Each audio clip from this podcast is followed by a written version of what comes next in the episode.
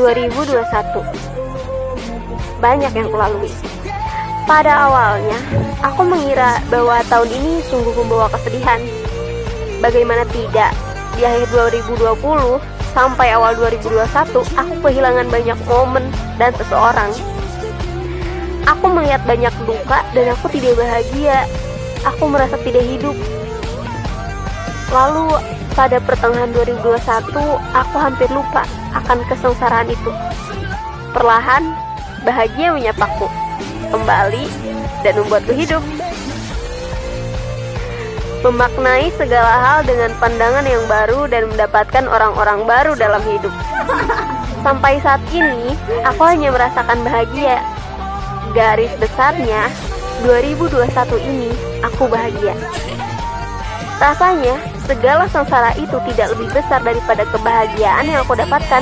Kasih sayang dan kepedulian orang-orang yang kusayangi membuat kesengsaraan itu bukan lagi hal yang besar.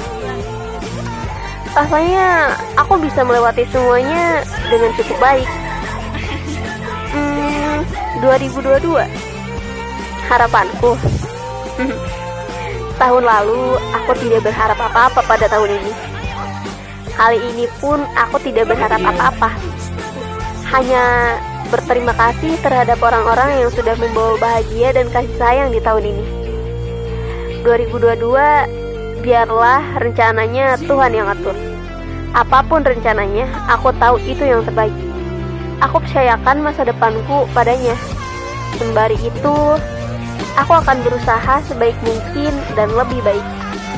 Terima kasih. Aku